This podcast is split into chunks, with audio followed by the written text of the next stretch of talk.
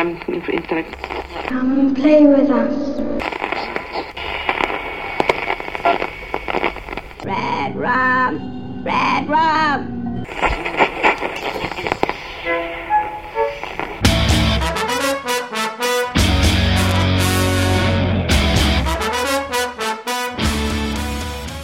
Witam Was w 260 odcinku podcastu Radio SK. Tym razem udało się nagrać coś pomiędzy wiadomościami z martwej strefy, coś co planowałem już od kilku miesięcy i co pierwszy raz od długiego czasu nie udało mi się nagrać zaraz po premierze. A mówię tutaj o omówieniu recenzji najnowszego na naszym rynku, ósmego tomu komiksu Amerykański Wampir.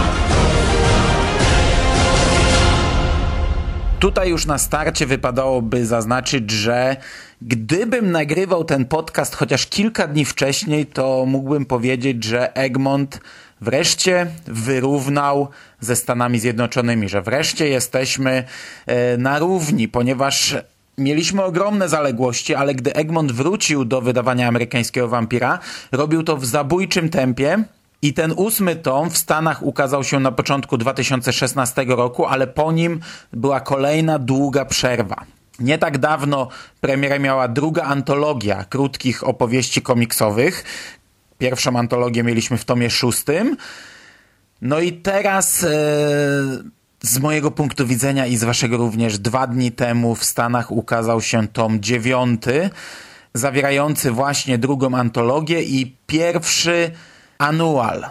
Pierwszy zeszyt e, specjalny, który tak naprawdę nie mam pojęcia co zawiera, ale to jest w sumie dość ciekawe zagranie, ponieważ bardzo podobna sytuacja była po pierwszych pięciu tomach. Pierwsze pięć tomów stanowiło pewien zamknięty cykl, Potem mieliśmy dłuższą przerwę, wyszła pierwsza antologia, wyszedł taki specjalny zeszyt, e, Długa droga do piekła i właśnie ta antologia i ten dłuższy specjalny zeszyt zostały wydane w takim tomie, który rozdzielał nam pierwszy cykl od czegoś, co zostało nazwane w Stanach, w Polsce ten tytuł nie funkcjonuje, cyklem drugim.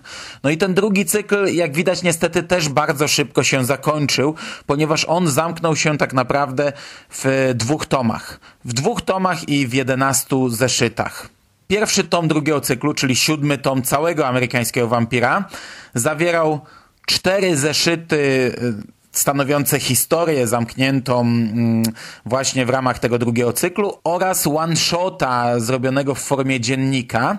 To był najcieńszy tom, jak do tej pory poprzedni, siódmy, zawierał tylko pięć zeszytów. Tom ósmy zawiera tych zeszytów sześć, dokładnie od 6 do 11 zeszytu z drugiego cyklu. I tak jak powiedziałem, zamyka nam ten drugi cykl. Przy czym no nie można tutaj mówić o takim jakimś zamknięciu, zakończeniu. Po prostu z niewiadomych przyczyn po wydaniu tych dwóch tomów znów w Stanach nastąpiła przerwa. I teraz na razie mamy ten e, łącznik, ten przerywnik. E, historia zawarta w tomie ósmym w oryginale nazywa się Dark Moon. W Polsce nie mamy przetłumaczonego tytułu i to tyle w ramach wstępu. Autorami są standardowo Scott Snyder i Rafael Albuquerque oraz Dave McCrae, który nakłada kolory. Ja przyznam, że od dawna czekałem na ten komiks. Czekałem, aż ten tom ukaże się w Polsce. Wydania zeszytowe wchodzące w skład tego tomu ukazywały się w Stanach na początku 2015 roku. I ja już wtedy wiedziałem, że ten komiks dojdzie do takiego momentu, do, do, że ta historia dojdzie do tego, co znajduje się w tym tomie, czyli do wampirów w kosmosie. I ja wtedy e, nie mogłem się doczekać, aż my w Polsce dokulamy się do tego momentu, żeby mógł przeczytać ten tom. Naprawdę miałem bardzo e, duże oczekiwania od tego tomu. I przez te lata zdążyłem sobie wiele wyobrazić, co też takiego może się tutaj wydarzyć. No bo mieliśmy już naprawdę bardzo duży rozdział historii Stanów Zjednoczonych, widzianych trochę innymi oczami, gdzieś tam każde wydarzenie z wampirami w tle, a teraz przeniesiemy się w przestrzeń kosmiczną. No to nie mogło się nie udać. I tutaj trzeba już od razu zaznaczyć, że ten komiks ma dość ciężki punkt wyjścia dostajemy bardzo dużo informacji na samym starcie.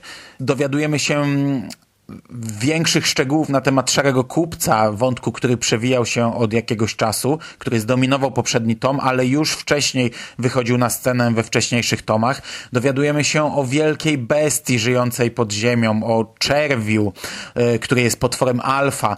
Cała mitologia amerykańskiego wampira zostaje naprawdę bardzo mocno rozbudowana, bardzo mocno rozdmuchana i to wszystko yy, na bardzo małej przestrzeni. Jest to trochę zbyt dużo informacji, na zbyt małej przestrzeni właśnie. Nowe bronie, nowe gatunki, nowe nazwy, nowe charakterystyki tych gatunków, nowi bohaterowie i tak dalej. Y, większa historia wasali Gwiazdy Zarannej, historia przyjaciół wasali Gwiazdy Zarannej, historia cyrku Dakota, y, tajne bazy, tajni agenci, tajemnicza, mistyczna Rada Pierwszych, y, czyli Rada różnych starszych gatunków wampirów. No i to wszystko rozpisane jest w taki sposób, by trzymać w tajemnicy, by rzucać nam strzępki informacji, mówić urwanymi zdaniami, stopniowo odkrywać te karty. Dodatkowo to wszystko oczywiście bardzo fajnie wpisuje się w historię Ameryki i w historię świata. Mamy y, wampirze spojrzenie na testy atomowe, wyjaśnione jest to pod kątem właśnie wampirów. Mamy wspomniane, jak na walkę z wampirami wpłynął zamach na Kennedy'ego. Mamy wyjaśnione, jaki związek z tym, co dzieje się na Ziemi, z wszelkimi rasami wampirów i z wielką bestią żyjącą pod ziemią mają, jaki związek mają rosyjskie satelity. Do tego dochodzą jeszcze dziwne wizje Pearl i Skinnera. Wizje, które są następstwem spotkania z Szarym Kupcem w poprzednim tomie. Wizje czasem przechodzące jedna w drugą, tak płynnie, że naprawdę bywa, że z jednej strony na drugą stronę nie wiemy, gdzie jesteśmy i co się dzieje. I to jest wszystko na naprawdę bardzo małej przestrzeni. No i ja wiem, że to jest już ósmy tom. I ja wiem, że to czytają już tylko fani tego tytułu. No i zdaję sobie również sprawę, że bez sensem jest powtarzać ciągle podobne pomysły i pisać to w e, dość podobnym schemacie. No i trzeba trochę popchnąć to do przodu, trzeba trochę rozdmuchać tę mitologię, trzeba narzucić tempa i jakoś zacząć spajać to wszystko i dawać temu jakiś większy obraz. Ale, no, no właśnie, ale, no, jest to komiks na starcie ciężki. I jeśli na przykład zrobiliście sobie dłuższą przerwę z poprzednimi tomami, to ja nie wiem, czy nie warto e, wrócić do nich i przeczytać je jeszcze raz, zanim zasiądziecie do tego tomu ósmego, żeby wam się to wszystko w głowie ułożyło, ale tak czy siak natłok informacji jest naprawdę duży. Ja wielokrotnie łapałem się na tym, że musiałem niektóre wypowiedzi przeczytać po dwa razy, ponieważ e, nie wiedziałem do końca o kim oni mówią. Czy mówią o jednym z bohaterów, który jest w danej drużynie, czy mówią o jakimś nowym gatunku wampirów, czy mówią o, o czymś jeszcze innym. W związku z tym, no ja sobie na, na przykład kompletnie nie wyobrażam, by czytać ten komiks w zeszytach, premierowo, po te kilkadziesiąt stron miesięcznie. I oczywiście, no tak jak powiedziałem, to jest trudny, dosyć wysoki próg wejścia, ale to jest wstęp do komiksu. A potem robi się tak naprawdę cholernie szybki akcyjniak. Nasi bohaterowie dzielą się na dwie drużyny. Zresztą na samym początku mamy tak naprawdę pierwsze spotkanie Felicia Book i Pearl Jones. Pierwsze spotkanie w całym komiksie, w ósmym tomie. No i te dwie drużyny tak naprawdę wyruszają na dwie równoległe misje. Trójka bohaterów ma się włamać do tajnej bazy wojskowej i wykraść e, tajną broń, która nie wiemy czym jest.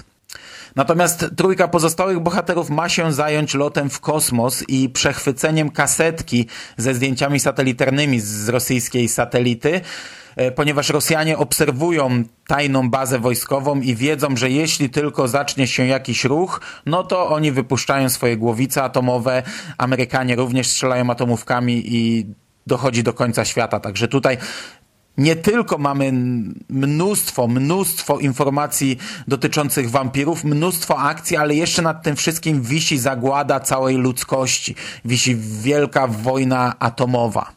Także naprawdę weszliśmy już na ogromną skalę. Jak teraz się cofniemy myślami do pierwszego tomu i przypomnimy sobie tych tam kowboi i, i tych barmanów w salonie i tego pisarza tej pierwszej książki, to przebyliśmy naprawdę bardzo długą drogę z amerykańskim wampirem, chociaż w tym tomie też jest nawiązanie do tomu pierwszego. Gdzieś tam starają się to poszywać i i jest pewne tam mrugnięcie okiem, mamy jeden kadr i jedną informację, która łączy się z wydarzeniami z pierwszego tomu.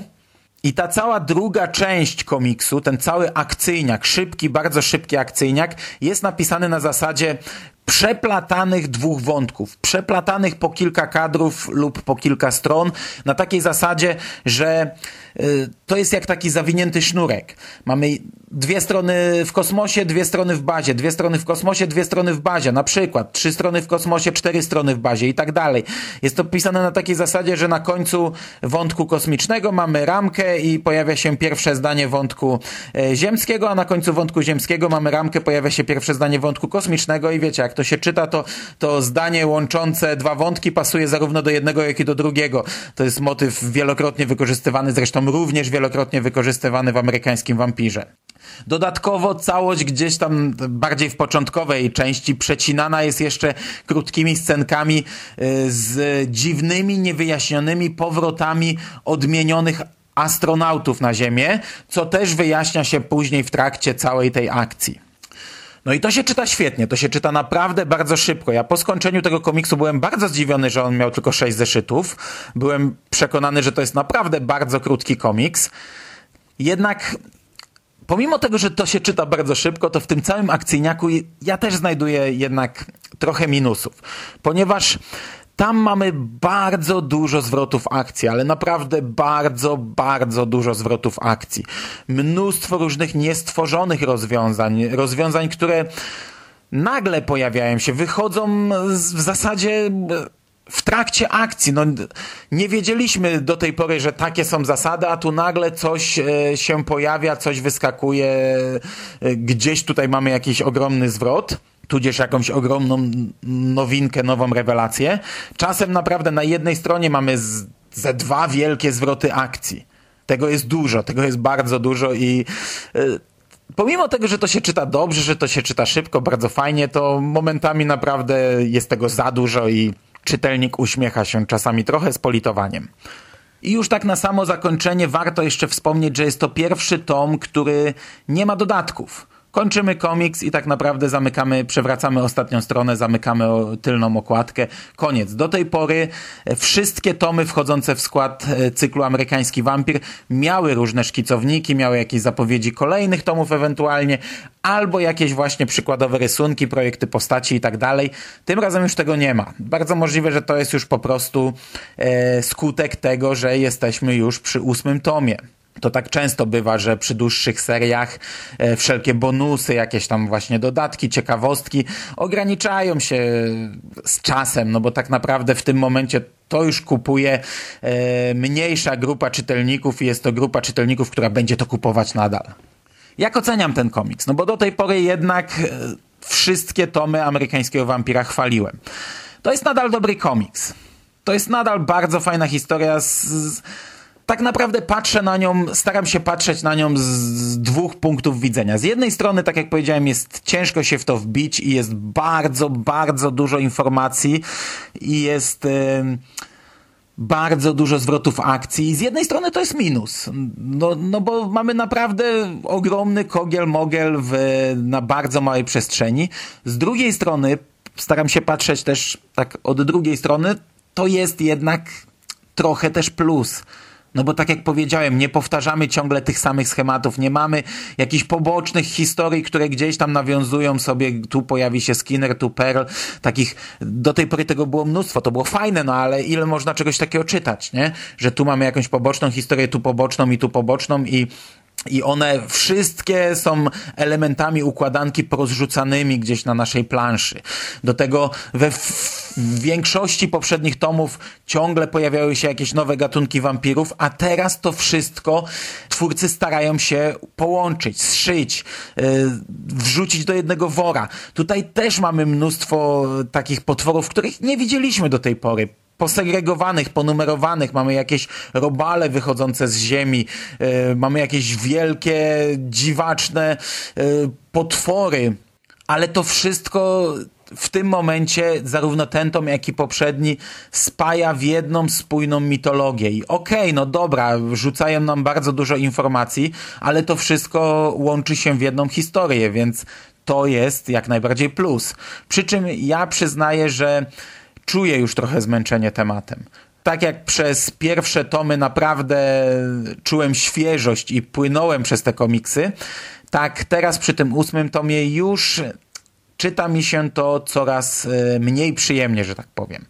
Już nie dostarcza mi to aż takiej frajdy i ja nie wiem, czy to nie jest już powoli moment, by jednak kończyć ten cykl. Zobaczymy, jak to będzie wyglądało w Stanach, no bo tak jak powiedziałem, drugi cykl się zakończył, przerywnik został wydany. Nie mam pojęcia, jak to będzie teraz dalej wyglądać. Zapewne znów zostanie wyzerowana numeracja i ruszymy z numerem pierwszym jakiejś kolejnej nowej serii. Co to będzie? Pożyjemy, zobaczymy. A tymczasem myślałem, że sobie poczekamy długo na kolejny tom w Polsce. Nawet się trochę obawiałem, co teraz Egmont zrobi, no bo galopował z tym, galopował, a teraz e, zapowiadała się dłuższa przerwa po tym ósmym tomie, ale skoro w Stanach został już wydany tom dziewiąty, no to pozostaje nam tylko czekać na wieści od Egmontu. Ja się na dzisiaj z wami żegnam. Komiks wam bardzo polecam. Oczywiście te podcasty są trochę bez sensu, no bo słuchają mnie zapewne tylko ludzie, którzy czytali te komiksy, bo to nie są podcasty dla ludzi, którzy ich nie czytali. Ja staram się w nich tak naprawdę nie wiem, czy ja spoileruję, czy nie spoileruję, to chyba nie ma znaczenia zbyt wielkiego. Więc bez sensu, żebym ja tutaj teraz polecał ten komiks, ale jeśli przypadkiem ktoś słucha sobie podcastów tak, bo się nie boi spoilerów, nie rejestruje za dużo, a cały czas jeszcze nie przeczytał tego komiksu od początku, to ja bardzo polecam nadal się z nim zapoznać, chociaż niestety tom drugi jest już niedostępny. To jest ten tom, który nie został wznowiony po tym, gdy Egmont wrócił do wydawania w Polsce tego komiksu. Tom pierwszy został wznowiony w niższej cenie, tom trzeci wtedy został wydany premierowo, tom drugi był dostępny jeszcze w sklepach, więc wznowiony nie został i sprzedawany był po tej wyższej, starej cenie około 100 zł. W tym momencie tom drugi jest już niedostępny. E, można jedynie szukać na rynku wtórnym po bardzo, bardzo wywindowanej cenie, a z tego co się orientuje Egmont nie ma chyba planów na wznawianie tego komiksu. Także trudno. My natomiast czekamy na tom dziewiąty. Ja się z wami żegnam. Do usłyszenia w przyszłości. Cześć!